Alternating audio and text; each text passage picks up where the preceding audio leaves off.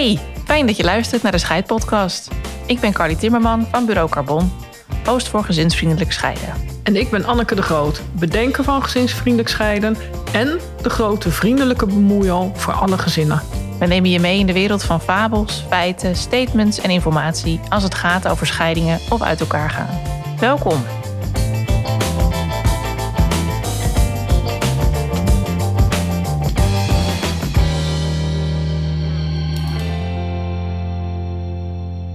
Vandaag een vraaggesprek met Esther Smal, familierechtadvocaat en scheidingsmediator, die al een aantal jaar met Anneke samenwerkt. En samen met Esther bespreken we in deze informatieve aflevering een aantal onderwerpen, waaronder hoe ziet een procedure bij de rechtbank er eigenlijk uit? Welke missers zie je voorbij komen in de huwelijkse voorwaarden? Wat zijn de gevolgen van koude uitsluiting en wat is koude uitsluiting? Wat kun je nog oplossen in het zicht van de scheiding? En wat moet je eigenlijk regelen tijdens je relatie?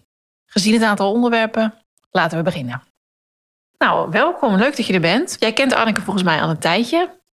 Uh, en volgens mij werken jullie ook samen. Dat klopt. Kun je, kan je daar iets over vertellen? Hoe, uh, hoe gaat die samenwerking en hoe bevalt het jou ook? Nou, de samenwerking met uh, Anneke bevalt heel erg goed. Um, ja, Anneke die maakt mooie convenanten. En zij werkt op een, ja, vind ik, een hele bijzondere en ook een mooie manier. En ik uh, ben als advocaat bij Anneke betrokken, omdat ik dan namens uh, de partijen uh, die zijn bijgestaan door Anneke het verzoekschrift indien bij de rechtbank. En ik heb daarnaast ook een gesprek met partijen die dus dat convenant hebben opgesteld.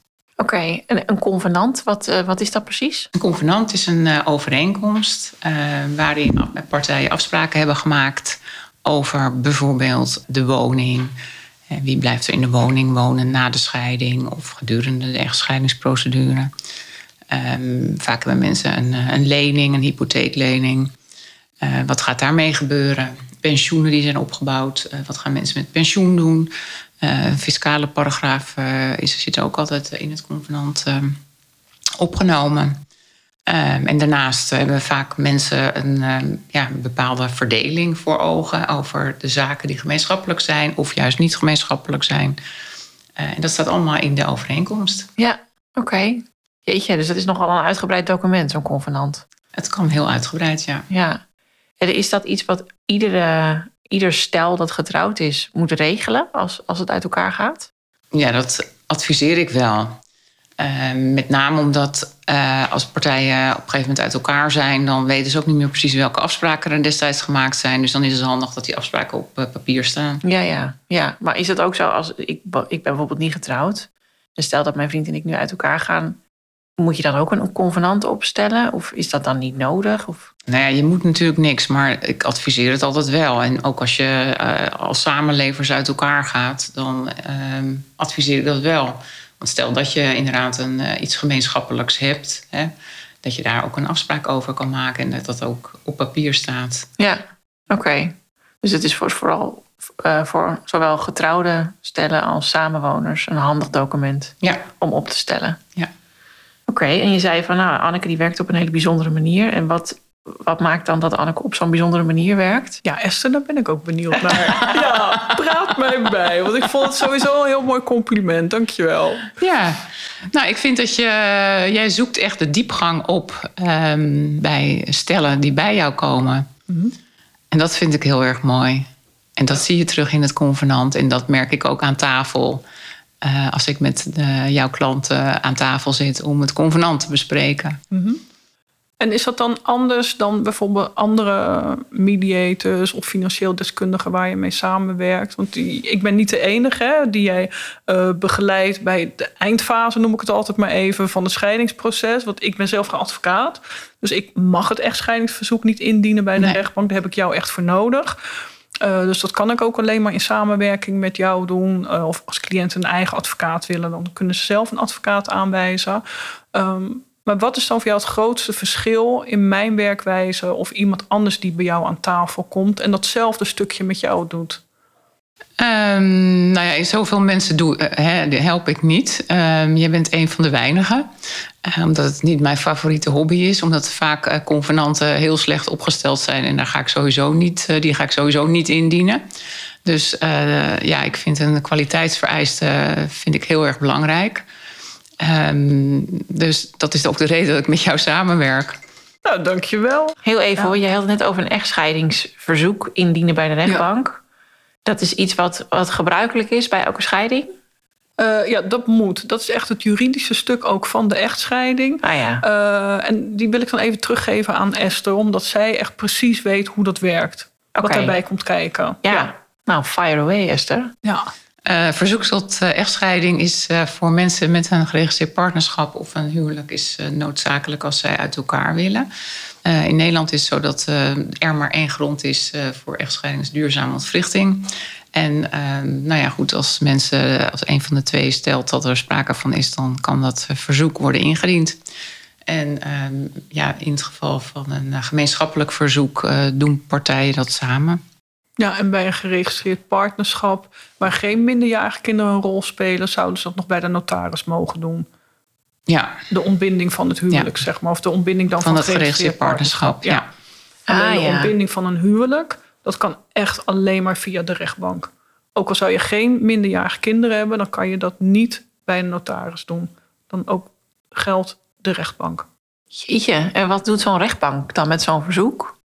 Uh, de rechtbank die beoordeelt het verzoek wat, uh, wat is binnengekomen. En um, nou ja, die, als er minderjarige kinderen bij betrokken zijn, dan uh, worden de minderjarige kinderen die dan ouder zijn dan 12, die krijgen dan een uitnodiging van de rechtbank om te worden gehoord. En sommige kinderen maken daar gebruik van.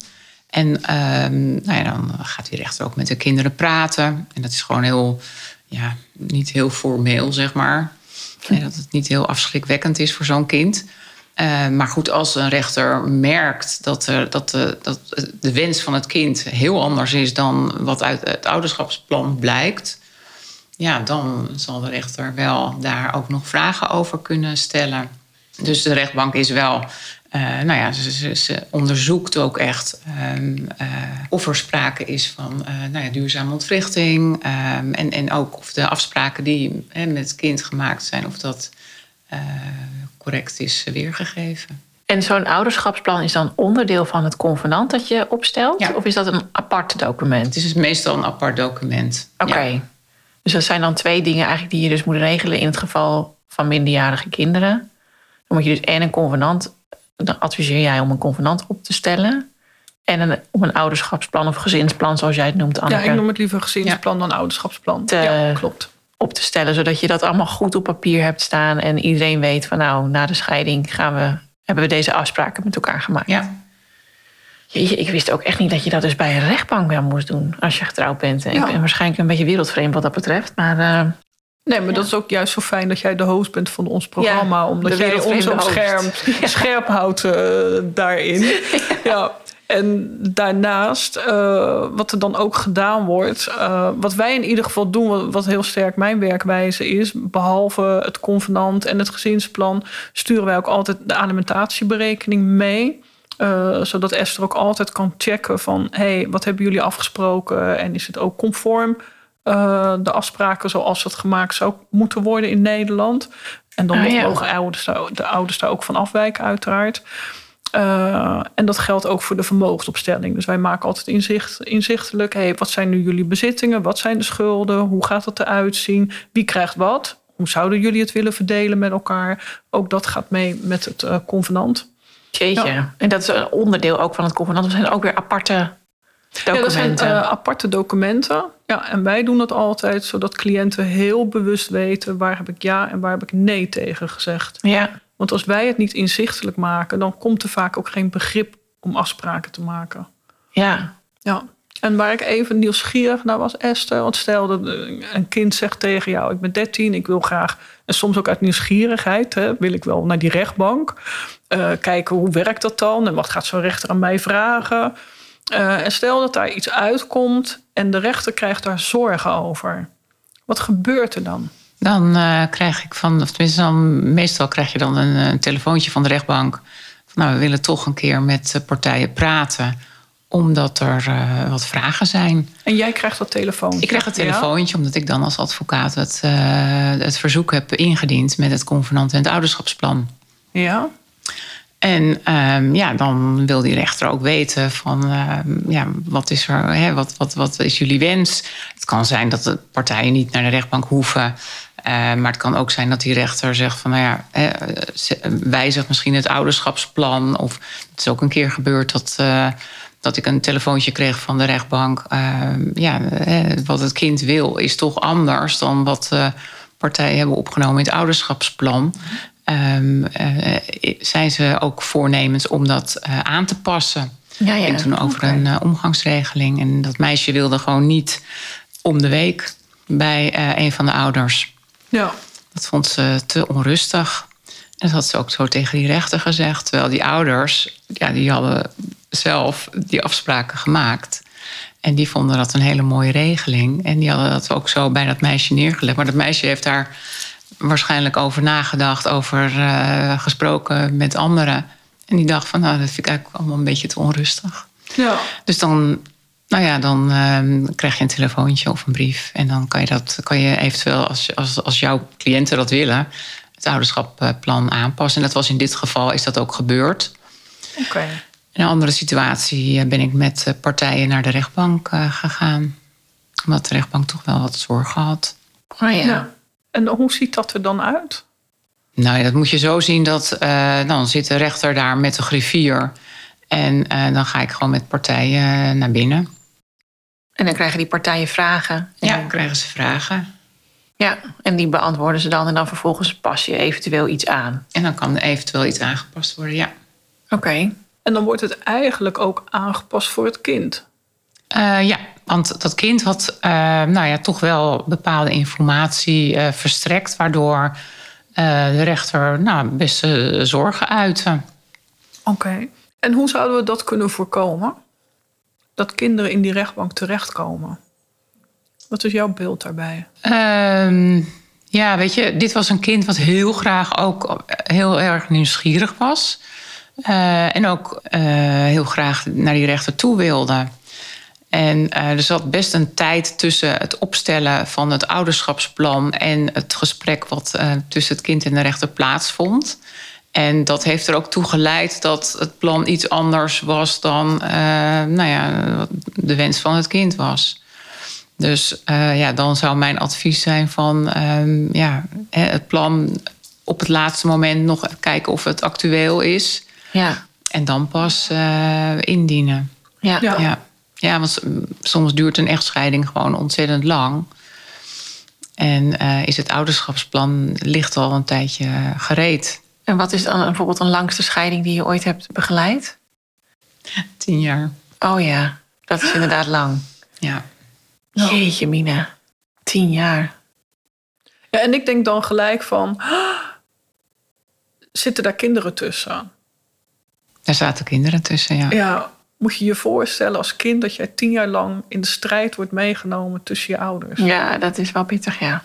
Ja, dat, daar word ik echt enorm verdrietig van. En dat, dat is ook heel verdrietig. Ja, en ja. ik denk daarom juist heel druk nog steeds op zoek en ook heel blij met samenwerking met, es, met Esther, omdat zij ook zo op kwaliteit hamert. Uh, en ik vind het ook heel fijn dat ik jou hoor zeggen van ja, maar daarom werk ik ook niet met zoveel mensen samen, want het moet gewoon goed zijn ja, ik, ik, zit dan echt te denken van hoe kunnen we dat voorkomen? Hoe kunnen we voorkomen dat mensen überhaupt tien jaar in een rechtszaal kunnen staan? Snap je? Dat is dan mijn vraag van hoe kunnen wij dat in Nederland uh, eigenlijk maar aan blijven bieden? Van nou, komt u maar weer terug volgend jaar. Gezellig. Tien jaar. Hoe kan dat anders? Uh, nou, kijk, het was, uh, de echtscheidingsprocedure op zich was uh, vrij snel. Ehm, dat heeft een aantal jaar geduurd. Maar de, de rechtszaken die daarop volgden, hadden ook betrekking op eh, de kinderen. en dan moet je denken aan alimentatie, de omgang, ehm, een reis naar het buitenland. En dat soort zaken, wat continu strijd bleef. Ja. Ja. En dat is gewoon heel heftig voor, voor kinderen. Ja. En dan denk ik van, is er dan ook bijvoorbeeld iets nodig waarmee we tegen ouders kunnen zeggen: jongens, tot hier en niet verder. Maar nu gaan jullie werken. eh, aan het afhechten van die relatie. En soms wordt parallel ouderschap voorgesteld. Uh, daar ben ik niet een heel groot voorstander van. En soms kan het echt niet anders. Wat is parallel ouderschap? Ja, ik zag jou al gelijk vragend kijken, Carly, naar mij. Ik denk, oh, op het moment dat ik die term gebruik, moet ik hem ook uitleggen. Parallel ouderschap is eigenlijk dat we twee ouders krijgen die we los van elkaar gaan begeleiden. Ah ja. We gaan los met de ouders een plan opstellen. En daar is altijd een derde persoon nodig die de communicatie tussen ouders gaat doen. Oké. Uh, dat betekent ook, als ouders op dat moment niemand hebben, dat dat hele kostbare trajecten gaan worden voor de maatschappij. Want er zal altijd iemand, uh, ja, tot de jongste kinderen 18 zijn, mee moeten communiceren met die ouders. Ja. Uh, dat is bijna ondoenlijk. En om daar bijvoorbeeld een familielid of een goede vriend of vriendin mee te belasten, want dat is het echt, want dat zijn pittige trajecten uh, ben ik ook geen voorstander van. Nee. Maar dan blijft natuurlijk wel de vraag: hoe gaan we dat oplossen? En dan zou het toch heel prettig zijn dat we bijvoorbeeld kunnen zeggen: we gaan één keer per jaar het gezinsplan bijstellen. En die geldt gewoon voor het komende jaar. En op die manier zullen jullie daarmee om moeten gaan. Iedereen heeft zijn eigen huishouden. Iedereen heeft zijn eigen regels. Iedereen heeft zijn eigen opvoedstijl. Uh, maar nu geldt het weer voor de komende twaalf maanden. Dat zal ook, denk ik, meer rust geven dan dat we tegen ouders gaan zeggen: joh, hier hebben jullie een plan. Dat moet je 15 jaar uitvoeren met elkaar. Want de kinderen zijn gewoon vrij jong op dit moment van stellen die uit elkaar gaan. Uh, dan snap ik ook wel, als ik tegen een ouder zeg: van, joh, 15 jaar moet jij dit gaan doen voor de kinderen. Ja, die, die, zet ik tegen mij al in het harnas. Ja, dat levert wel een hoop druk op. Ja. Dat levert enorm veel druk en strijd op. Dus dat kunnen we er al gelijk afhalen. Ja. We gaan gewoon zeggen, tijdelijk plan, eerst twaalf maanden en dan komen we weer terug. We houden die vinger aan de pols. Ja. En dat geeft rust bij ouders. Ja, dat zou natuurlijk heel fijn zijn. Want Esther, als jij niet bijvoorbeeld samenwerkt met, met Anneke of met iemand anders die hetzelfde doet als Anneke, hoe, hoe werkt het dan? Hoe melden ouders zich dan bij jou? Uh, nou, het kan zijn dat de ouder uh, ja, zich in zijn eentje meldt bij mij. Um, ik probeer dan altijd wel de andere partner er ook bij te betrekken. En als die niet wil of al een advocaat heeft, ja, dan, dan probeer ik uh, op een gegeven moment een viergesprek uh, te organiseren. Dat betekent dat uh, partijen met hun advocaat aan één tafel gaan zitten. Ja. En dan afspraken proberen te maken over bepaalde zaken. Maar soms is dat ook niet mogelijk. En dan, ehm, ja, dan wordt, wordt, er meteen geprocedeerd. Ja, ja, dat noem je dan procederen als zodra je dus in de rechtbank belandt dan Ja. met elkaar. Ja. Dus dan heb jij bijvoorbeeld de, de vrouw en een andere advocaat vertegenwoordigt de man. En dan doe je allebei je zegje in de rechtbank en dan wacht je op een uitspraak van de rechter. Ja.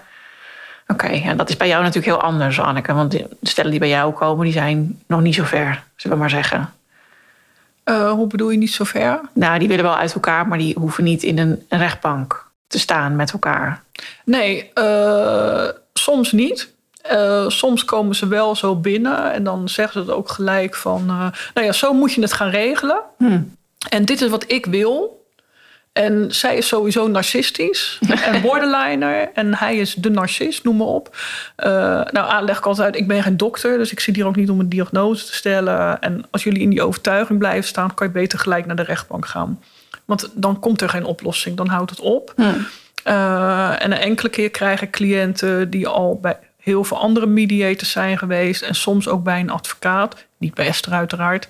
Uh, bij een andere advocaat. En, en daar niet uitgekomen zijn. En moe zijn eigenlijk. Ja, ja. Doodmoe. Ja. En dan gaan we gewoon kijken van... joh, hoe gaan we het voor jullie regelen? Maar stap voor stap. Ja.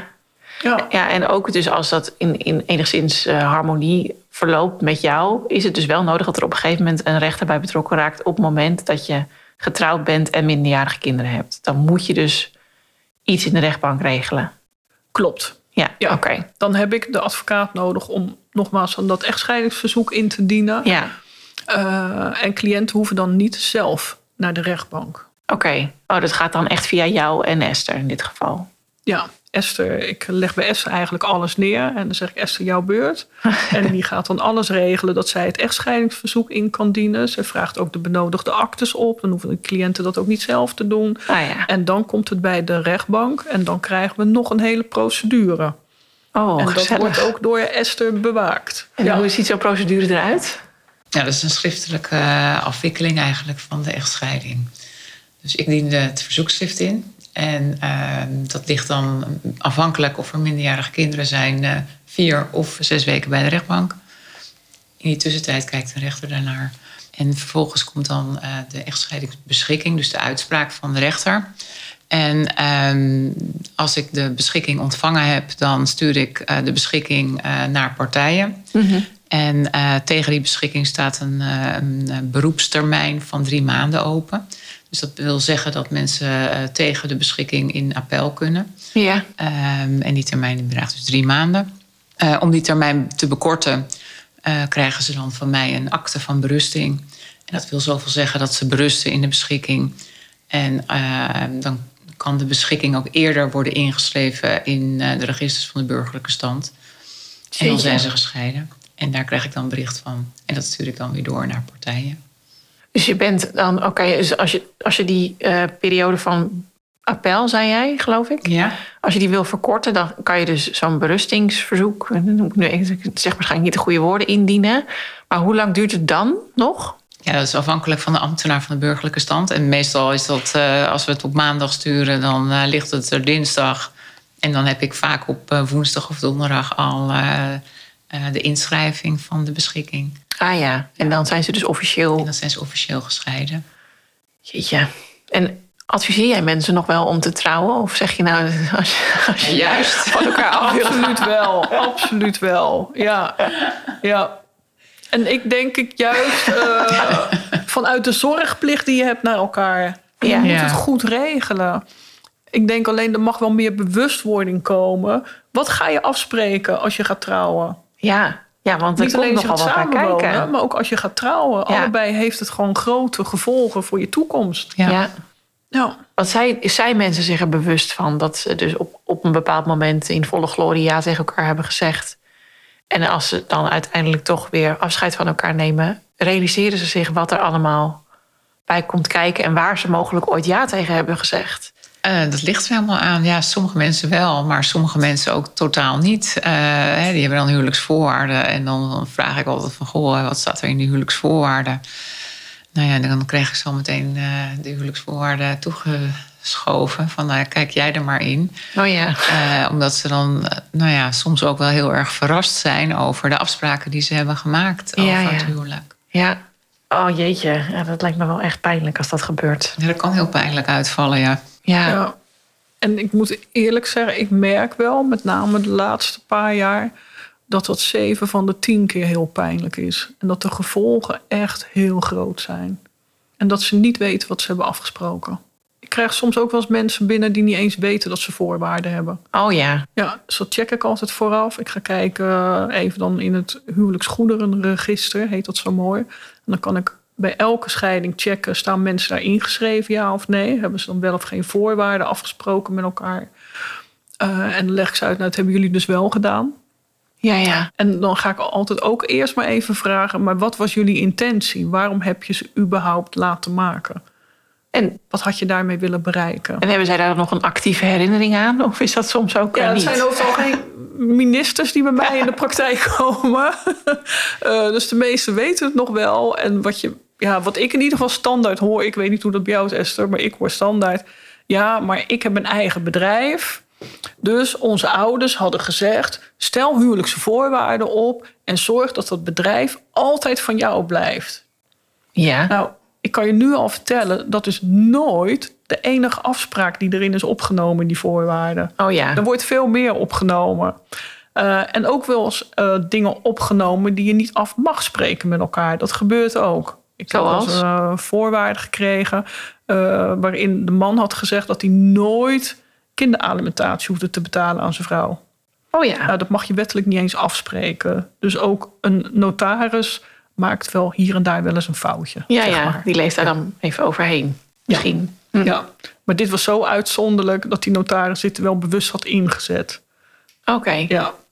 En terwijl de notaris echt had moeten weten, dit mag ik er niet inzetten. Jeetje. En wat zijn nog meer bijzondere dingen die je in van die voorwaarden tegenkomt? Jullie zullen vast wel he- hele bijzondere dingen zien, denk ik zo. Ja, soms kom je tegen ook dat ze afspreken om de pensioenen volledig uit te sluiten. Dat ze die niet gaan verevenen. Terwijl ze daarvoor een samenlevingsovereenkomst hebben gehad en hebben afgesproken om dat juist wel te doen. Ja, ja. Dus die voorwaarden staan dan ineens haaks op de samenlevingsovereenkomst die ze hadden. Nou, dan vraag ik ook van, zijn jullie dan van gedachten veranderd? Speelt daar iets anders in mee? Uh, en dan zeggen ze, oh, maar, oh, hè? Maar ik, ik krijg toch gewoon pensioen? Ja, ja. Uh, ja, wel die van jezelf, maar niet die van je partner. Dat klopt. Maar wat is dan het verschil tussen huwelijkse voorwaarden en een samenlevingsovereenkomst? Ja. Op het moment dat je een samenlevingsovereenkomst afsluit, uh, dan heb je geen juridische verbindenis met elkaar. Zeg okay. dat goed, Esther? Ja. Uh, dus dat betekent dat jullie met elkaar afspraken kunnen maken. De notaris legt dat vast. Uh, en als je dat hebt, dan kan je bijvoorbeeld naar je werkgever gaan en zeggen: Kijk, wij hebben officieel samenlevingsovereenkomst en wij gaan elkaar aanwijzen straks uh, voor het partnerpensioen. Mag je afspreken als samenwoners. En je mag ook afspreken om iets van het opgebouwde ouderdomspensioen tijdens het samenlevingsperiode om die te verevenen met mhm. elkaar. En dat hoeft dan ook niet altijd 50-50. Ook daarin kan je heel veel afspraken maken. En, maar is dan de, de huwelijksvoorwaarden gaan die dan boven de samenlevingsovereenkomst, omdat die dan wel juridisch vastgelegd zijn? Nee, dat ligt anders. Je maakt of een samenlevingsovereenkomst en dan woon je samen. Het kan zijn dat je op een gegeven moment toch gaat trouwen. En dat je zegt van, nou, ik heb dat eigen bedrijf, hè, dat hou ik even als voorbeeld aan. Laten wij ook huwelijkse voorwaarden opstellen. Nou, tegenwoordig is dat sinds 1 januari 2018 uh, hebben we automatisch huwelijkse voorwaarden als je gaat trouwen. Tenzij je zegt dat wil ik niet, ik wil alsnog in de gemeenschap van goederen trouwen. Dat was hoe het hiervoor ging. Je trouwde automatisch in de gemeenschap van goederen. Dat is veranderd. Hm. En op het moment dat je de huwelijkse voorwaarden op gaat stellen en je gaat trouwen, dan vervalt daarmee direct samenlevingsovereenkomst. Die is ook niet meer geldig. Oké. En soms hebben cliënten hem nog wel en vraag ik hem ook wel eens op om te kijken: zitten er nu grote verschillen in wat ze hadden in de samenlevingsovereenkomst en later in die huwelijkse voorwaarden? Ja, ja. En die zijn soms echt verschillend. Hm. Ja, mensen kunnen bijvoorbeeld ook afspreken: joh, ik heb nu een woning, die blijft altijd voor mij. Ja. Er zit mijn overwaarde in. Er zit bijvoorbeeld uh, een schenking in van zijn ouders. En op het moment uh, dat ze een paar jaar verder zijn en het gaat leuk en het is gezellig en er komen kinderen bij en we kopen in één keer samen een huis.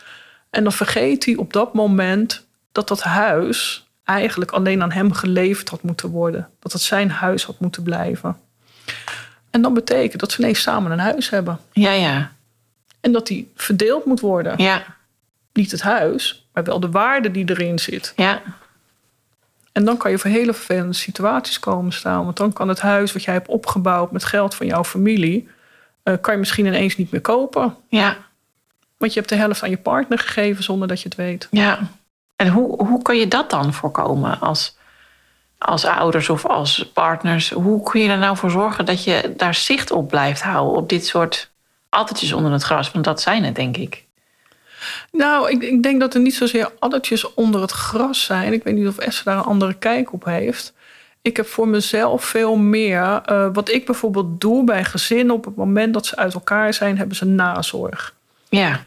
Uh, omdat er nog heel veel gebeurt in dat leven van zo'n gezin. Ja. Kinderen worden ouder, uh, ouders gaan misschien een opleiding doen, uh, ouders veranderen, krijgen misschien een partner. er gebeurt van alles in ons leven. Ja. Ook als we niets gaan scheiden, gebeurt er ook van alles. Ja. En het zou heel fijn zijn als notarissen ook meer bewustwording krijgen van we moeten veel meer terug naar die Jip en Janneke taal. Ja. We moeten duidelijk aan ouders, uh, of op dat moment zijn het misschien alleen nog liefdespartners, zijn het helemaal nog geen ouders. Waarmee ik niet zeg dat als je ouder bent dat je niet ook liefdespartner kan zijn, want dat kan prima bij elkaar. Maar er zou ook vanuit de notaris gewoon nazorg moeten zijn. Van jongens, let erop, uh, dit spreken jullie nu af. Maar op het moment dat de kinderen komen, kan dat wel eens hele andere financiële gevolgen gaan geven. Ja. Op het moment dat jullie een andere woning kopen, gaan kopen, kan dit uh, het gevolg zijn. Uh, moeten jullie eigenlijk weer terug bij mij? Uh, zoals we heel makkelijk een coach inschakelen, zeg maar, op het moment dat we ons niet zo prettig voelen, of uh, voor het sporten, huiswerkbegeleiding, uh, we voelen ons niet lekker, een burn-out, noem maar op, dan vinden we het heel normaal om hulp te vragen. Maar bij live events, zoals dit, het kopen van een woning, eh, het krijgen van kinderen en hoe ga je het nu regelen binnen je relatie, daar zou iedereen gewoon een coach ook voor moeten hebben. Ja. Ja. En dus ook een soort APK misschien. Van joh, eh, dat je om de zoveel tijd eens checkt van hoe zit ik er nu in? En klopt het nog wat we toen afspraken samen? En Ja, moeten we dat misschien bijstellen? Of, ja, zoals je dat ook in je relatie moet doen. ja. Eh, ga ook gewoon een, eh, ja, ik zeg altijd, ga ook een functioneringsgesprek aan met je partner, niet alleen met je baas. Kijk even, hoe leuk is het nog tussen ons? Hebben wij nog dezelfde dromen? Wanneer gaan wij weer eens daten met elkaar? Ja. Ja. Ja, jeetje. Het is, eh, ja. Ik, elke keer als ik jullie spreek, dan denk ik... Goh, ik moet dat echt te scherp ook voor mezelf in de gaten houden. Want anders dan... Ja, dat moet je zeker, Carly. Ja. En jij mag bij ons natuurlijk gewoon terecht. En Ja. wij helpen je graag. Ja. Ja. Maar Esther, wat- daar ben ik wel benieuwd naar. Want ben jij wel eens iets tegengekomen in huwelijksvoorwaarden... dat je dacht, ah, dit kan niet dat mensen dit af hebben gesproken? Ja, Ik wil het weten. Ja, ik ik wil het weten. Ja. Eh, ja, verschillende dingen. Eh, mensen dachten ook dat ze in gemeenschap van goederen getrouwd waren. Het bleek dus echt eh, koude uitsluiting. Dus echt ook geen verrekenbeding, helemaal niets. En wat is koude uitsluiting? Koude uitsluiting is dat je over en weer, eh, ook na de echtscheiding, niets van elkaar eh, meer te vorderen hebt. En dat alles wat jij hebt is van jou en blijft van jou. En alles wat van de andere is, is van hem of haar en blijft van die persoon. Oké, dus stel even voor de luisteraars. Hè, mijn man heeft een eigen bedrijf. Eh, ik heb twintig jaar lang voor de kinderen gezorgd. Eh, ik heb gezorgd dat hij dat bedrijf op heeft kunnen bouwen. Wij gaan uit elkaar. Dat bedrijf is 5 miljoen waard. Wat krijg ik dan als er koude uitsluiting is? Van dat Nou bedrijf. ja, nul. Van dat bedrijf krijg je dan niets. Dat is lekker dan. Ja, Koude uitsluiting. Het klinkt Ja. ook zo ongezellig. ja het klinkt heel koud. Ja. Ja, nou ja, dat is En dat is het natuurlijk dus ook. Ja. Echt. Ja. En is, Ja. denk jij dan dat iemand, een van de twee, dat bewust zo heeft opgenomen in die voorwaarden? Ja, dat weet je natuurlijk nooit. Hè? Eh, meestal eh, maken partijen, die, die laten dat opstellen door een notaris. En soms heb je een hele creatieve notaris die ja, eh, eh, misschien buiten zijn boekje gaat eh, bij het opstellen van, van, die, van, die, van die voorwaarden. Ja, ik weet niet hoe dat. Mensen kijken je dan echt helemaal verschrikt aan van. Maar dat was helemaal niet onze bedoeling. Oh ja. En dat vind ik dan heel pijnlijk. Ja, want dat staat dan zwart op wit en dan Het kun je daar niet omheen. Ja. Maar stel dat dat zo is. Hè, dus eh, ik zit nog even als die enorme verslagen vrouw... die twintig jaar voor vijf van bloedjes van kinderen heeft gezorgd. Mag ook een man zijn, hè? Kan Ja. ook een man zijn. Mag ik even mijn feministische... eh, Ja, dat mag absoluut, Carly. Eh, ik merk helaas nog wel steeds dat het toch voornamelijk de vrouwen zijn... die hier in het onderspit eh, delven. Waarmee ik het niet opneem voor de vrouwen. Want ik vind je hebt allemaal je eigen aandeel... voor de keuzes die je maakt in het leven. Dus, maar nogmaals, ik zit daar toch even als Ja, die verslagen eh, vrouwelijke man aan tafel bij Esther. Dan maak ik er even een combi van. Eh, en ik zeg, ja, maar Esther, luister nou. Ik heb twintig jaar lang voor alle kinderen gezorgd. En eh, ik heb mijn pensioen opgegeven. Ik heb mijn carrière opgegeven. En nu ga jij mij vertellen dat ik niks krijg. Dat ik nergens recht op heb. En ik zie hem toch ook wel naar mij kijken... dat hij dat toch ook wel heel vervelend vindt. En dat dit echt niet de bedoeling is geweest. Kunnen wij dan nog wat doen? Dan kan je, als je ja, overeenstemming daarover hebt, dan zou je wel de huwelijksvoorwaarden kunnen aanpassen voordat Oh. je gaat scheiden. voordat je gaat scheiden. Ah ja, oké. maar dan moet je dus samen willen. Ja. ja, want het is een overeenkomst. Oké, en geldt dat dan ook voor het geld wat is opgebouwd voor de datum dat ik dat laat wijzigen? Of Nou ja, daar, daar moet je dus afspraken dat? over maken. Oké, maar dat zou dan dus kunnen. Dat zou Dan kunnen. zouden we in goed ja. overleg met elkaar kunnen kijken. Ja. Oké, dit is eigenlijk wat we echt niet willen. En dat is ook zeker niet wat ik jou gun. Ik gun jou ook die 2,5 miljoen. Want dat hoop ik dan maar. Hè, dat mijn man een bedrijf heeft met 5 miljoen erin. Oké. Hey, Ja. Oké, maar dat zou dus nog een mogelijkheid zijn. Ja. Ja, en zou dat ook andersom kunnen? Stel dat mensen in gemeenschap van goederen zijn getrouwd. En daardoor bijvoorbeeld eh, schenkingen kwijtraken. Omdat die ineens in de gemeenschap terecht zijn gekomen. eh, gigantische erfenis. Terwijl de ander zegt, ja, maar dat is nooit de bedoeling geweest. Daar hebben jouw ouders keihard voor gewerkt. Ik wil eigenlijk dat dat bij jou blijft. Ik wil helemaal niet dat we dat 50-50 gaan verdelen. Kan ik dan eh, ook andersom nog zeggen... nou ja, dan wil ik alsnog huwelijkse voorwaarden... voordat we gaan scheiden. Mag ja, dat je ook? zou ook in het testament van die ouders kunnen kijken... want vaak nemen ouders ook een uitsluitingsclausule op. Hè, dat wil zeggen dat de koude kant wordt uitgesloten bij, eh, bij een nalatenschap. Dus dat, dat kan. En, En stel eh, dat dat er niet is, dat die ouders dat niet in het en testament dan valt hebben het, valt het in, de, in, in de gemeenschap. Dus ja, dan En, maar is het dan ook zo dat zo'n nalatenschap van die ouders... Die, die, dat is een soort troefkaart boven hun eigen huwelijkse voorwaarden? Dus stel, mijn vriend en ik gaan uit elkaar... we zijn getrouwd geweest, we vragen nu een scheiding aan... en blijkt dat mijn ouders zeggen... joh, elkaar, hier heb je 3 miljoen. Nooit. dan, dan. Ja. Dan is het dan zo dat mijn ouders, het document van mijn ouders boven het document van mij en mijn ex-man gaat? Hoe zit dat? Eh, nou ja, kijk, als jij, eh, als jouw ouders, eh, als die nalatenschap is opengevallen tijdens je huwelijk en je bent in gemeenschap van goederen, hè, dus het oude regime, eh, eh, gehuwd, ja, dan valt wel die nalatenschap erin. En dan moet je dat wel verdelen. En Ja. als je dat niet doet, ja, dan komt de fiscus ook om de hoek kijken, omdat er dan sprake kan zijn van een, ja, een begunstiging. Maar als mijn ouders dan dus zeggen van... joh, leuk dat je in gemeenschap van goederen bent getrouwd... maar het is echt alleen voor jou. Heeft dat dan nog zin? Ehm, nou ja, kijk, je ouders zijn dan overleden, neem ik aan. Als ja, dat is ja, helaas. Dus daar, kan je, daar kunnen ze dan niks meer over zeggen. Dus dan is het van, eh, hè, dan moet je dat testament boven water zien eh, te toveren. Ja, en stel dat het in dat testament zo staat. Dat er een uitsluitingsclausule is. Ja. Ja, dan, eh, dan is dat voor jou of voor, je, voor je, ja, degene die zeg maar begunstigd is. Ja, ja. Dus dan valt het niet in de gemeenschap. Want valt jouw het niet vraag in was de eigenlijk, gemeenschap. Cardi... heeft dat dan voorrang Ja. boven wat je hebt afgesproken? Ja, een uitsluitingsclausule... eh, fijn al die woorden hoor in ons vakgebied. Ja, heerlijk. Maar een uitsluitingsclausule betekent dat het echt alleen naar diegene gaat waar het voor bedoeld is. Maar op het moment dat jij tegen je vriend hebt gezegd, of dan je man, eh, van nou, we gaan twee jaar lang niet werken. Ik trakteer jou twee jaar lang op eh, de Seychelles met een hutje en ik ga er lekker schrijven en jij kan twee jaar lang sporten. Ja, dan ben je het geld wel gewoon kwijt. Ja, dan ja. heb je het heel doelbewust aan hem uitgegeven of aan jullie samen. Ja. Dan kan je dat op dat moment niet meer opeisen. Nee, oké. Maar dat, ja, dat klinkt ook wel heel logisch. Ja. Nou, dat is niet altijd zo logisch als dat het klinkt. Oké. Ja, en daar kan Esther denk ik wel mooi iets over ja, daar wordt vertellen. heel veel over eh, geprocedeerd. Oh ja? Ja. Maar dat is, dan ben je toch met je volle verstand bij dat je dat op dat moment dan doet. Dan kun je toch niet later nog zeggen, nee, maar dat was eigenlijk Nou van ja, in mij. sommige situaties eh, kan je het wel terugvorderen. Wauw. Ja. En hier zit juist dat verschil in... eh, dat als je niet goed wordt begeleid...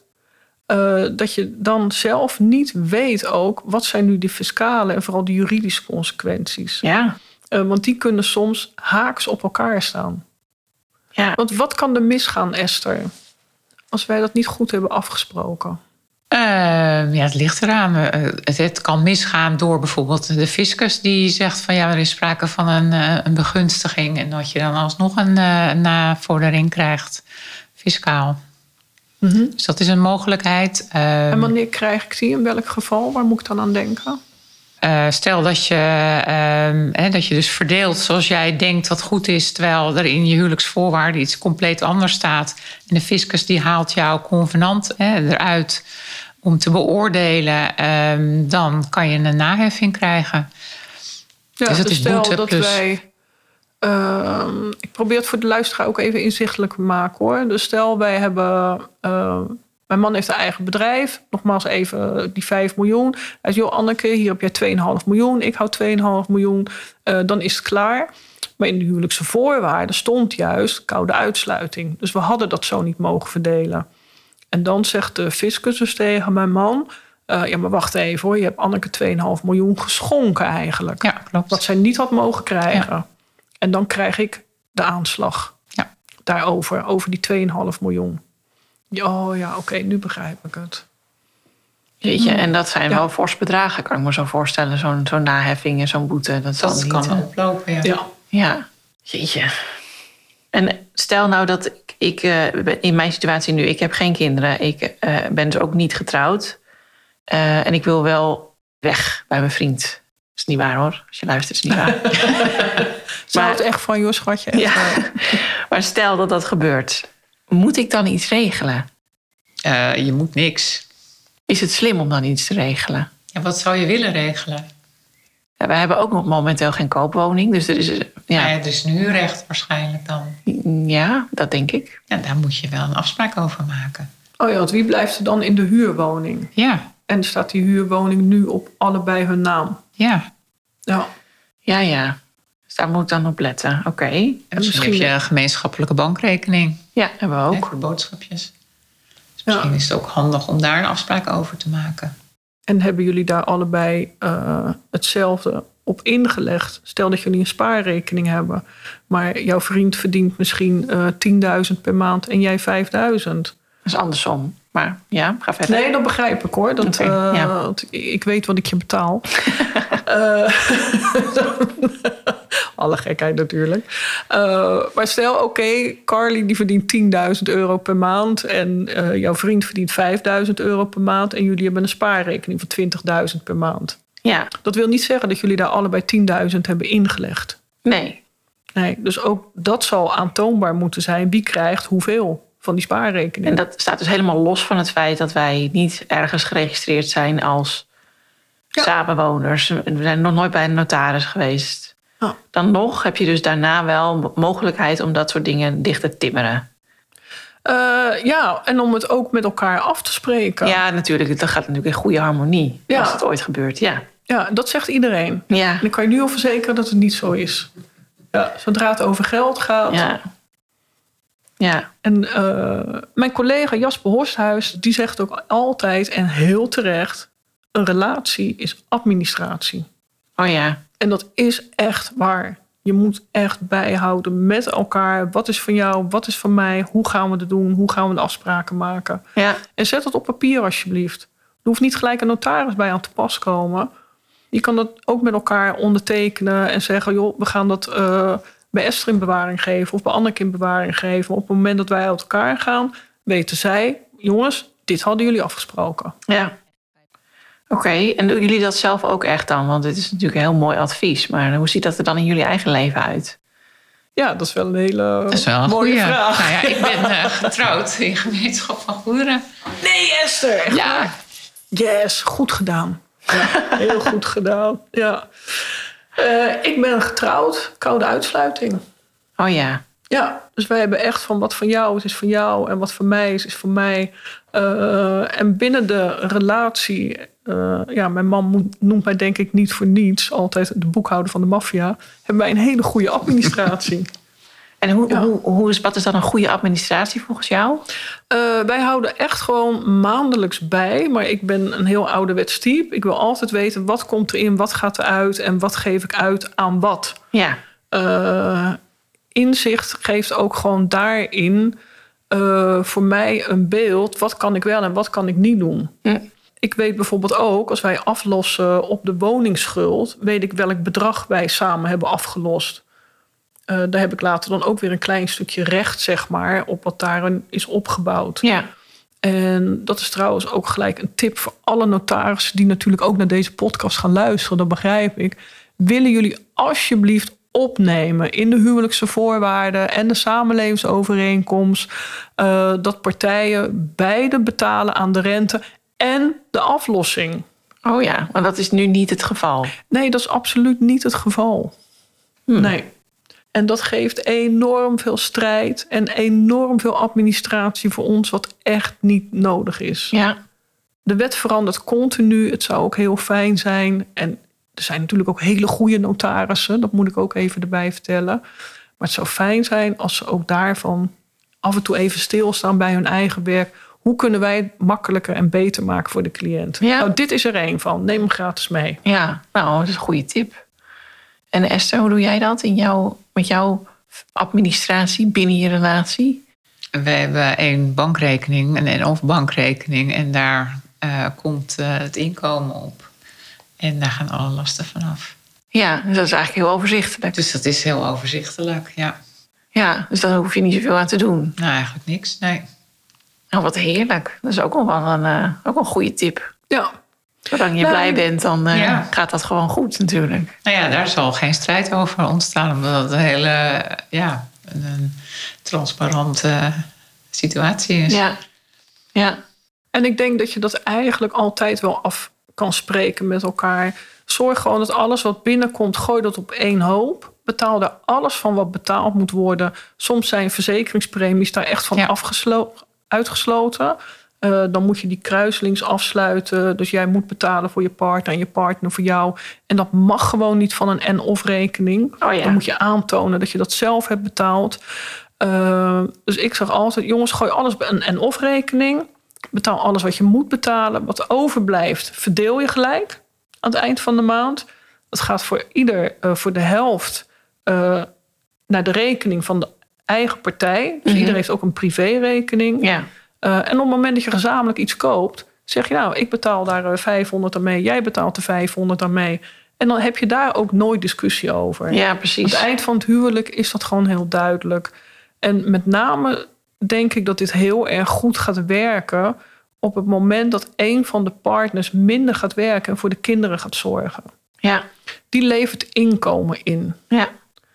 Eh, vraag dan ook aan je partner. Ik wil dat je mij gaat betalen. Vraag een stukje salaris, bij wijze van. Ja, ja, om, ja, omdat jij meer zorg hebt voor de kinderen. Dat je, Ja, dus je levert in op pensioen, je levert in op salaris. eh, je levert echt een stuk toekomstperspectief in. ja, Eh, ga ook daarover onderhandelen met elkaar. ja. Wat gaan wij hierover afspreken? ja, dat zijn natuurlijk wel pittige Ja. gesprekken voor heel veel mensen, denk ik. Omdat je, Omdat we het niet gewend zijn. ja, en ook omdat heel veel mensen niet eens weten dat dit dus zo werkt. Tenminste, Ja. ik, ik, ik weet van heel veel dingen die jullie hier opnoemen. Ja, nog niet eens een fractie, zou ik maar zeggen. Ja. Dus ik vind mezelf een redelijk intelligent en ontwikkeld wezen. Maar Nou, dat vind ik je ook. Ja. Dus daar sluit ik zeker bij aan. dankjewel. Eh, en dit zijn ook onderwerpen. eh, ik heb hier ooit workshops opgegeven eh, tijdens een vrouwendag. Dat was heel grappig. En dat ging er ook voornamelijk over. Ga nou eens onderhandelen met je partner. Niet met je baas, maar met je partner. Oh ja. Hoe gaat je toekomst eruit zien? Hoe gaan jullie het geld verdelen? Waar zijn jullie het wel of niet over eens? Eh, en op het moment dat jij echt minder gaat werken, zeg dan: Nou, dan wil ik salaris van jou. Ja, Want jij kan wel blijven werken. Jij kan wel je volledige pensioen opbouwen. En zet dat geld apart. ja, En in plaats van kinderopvang, eh, wat ook niet goedkoop is in Nederland, en misschien wordt het ooit nog gratis. dat mag ik Maar goed, ik hoor ministers heel vaak iets zeggen en daarna weten ze het niet meer. Dus dat is wel heel vervelend in Nederland, maar dat gebeurt nog steeds. En dan zeg je bijvoorbeeld, nou, ik zet het apart. En op het moment dat het niet goed gaat, kan je het gebruiken voor opleiding en investeren in jezelf. Ja. En op het moment dat het wel goed gaat en je kinderen zijn ouder en je wil gaan werken, heb je wel een mooie spaarpot om die hele leuke opleiding te gaan doen. Ik breek toch even in, want Graag. als je in gemeenschap van goederen eh, getrouwd bent eh, en je bouwt dus inderdaad aan die spaarpot, dan moet je die spaarpot verdelen. bij de echtscheiding verdelen. Ja, dat klopt. En ik ga nu even uit van de nieuwe situatie per 1 januari. Eh, oh nee, dan heb je natuurlijk de, ja, dan heb je de huwelijkse voorwaarden. Ja. Dan kan je het wel heel Dan makkelijk afspreken. ja. Eh, ook al ben je nu gehuwd in gemeenschap van goederen, dat vraag, dan nog zou je kunnen zeggen: misschien moeten wij huwelijkse voorwaarden op gaan stellen. Ja, dat kan. Dus ik kan dat wel nog wijzigen in Ja, de loop ja. van je huwelijk. Ja, zeker. Ja. Ja, ja. Ja, en dan gaat het ook pas in, die huwelijkse voorwaarden. Als jij die nu afsluit dan, eh, en die gaan in op 1 juni, dan gaan ook op 1 juni pas die huwelijkse voorwaarden werken. Dus alles daarvoor blijft gemeenschappelijk vermogen. Ja, ja. Oké, dus dat kun je niet nog eh, met een andere met datum... eh, kracht. nee, oké. Nee. Hm. Nee. Esther, heb je nog een goede boekentip? Nou ja, ik ben nu een boek, althans, hij ligt nu op mijn tafel, eh, Anatomie van de Vrede. Oh, klinkt mooi als geneeskunde of als... eh, Nee, dat is echt- echt een boek over eh, hoe ga je om met een conflict. Ah ja, Ja, dus dat zou mijn eh, tip eh, kunnen zijn. voor, voor cliënten of Voor vakgenoten of voor En- allebei. En vakgenoten, zeker. Ja. ja. Oh, dat Ja. vind ik wel een hele mooie. Ja, Klinkt ook mooi. alleen de titel al. Ja, Ja, ja. zeker. We gaan eh, afsluiten, Esther en Anneke. Ik eh, hoor hier zoveel kennis en ervaring. En volgens mij zitten hier nog veel meer verhalen in.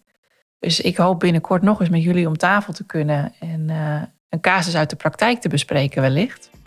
Dus je bent in de toekomst eh, nogmaals van harte welkom, Esther, aan onze tafel. Dankjewel.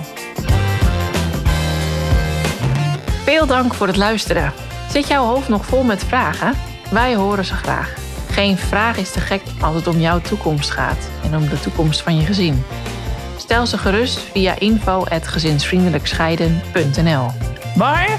info.gezinsvriendelijkscheiden.nl Dankjewel. En misschien komt jouw vraag dan in de uitzending. Anoniem uiteraard.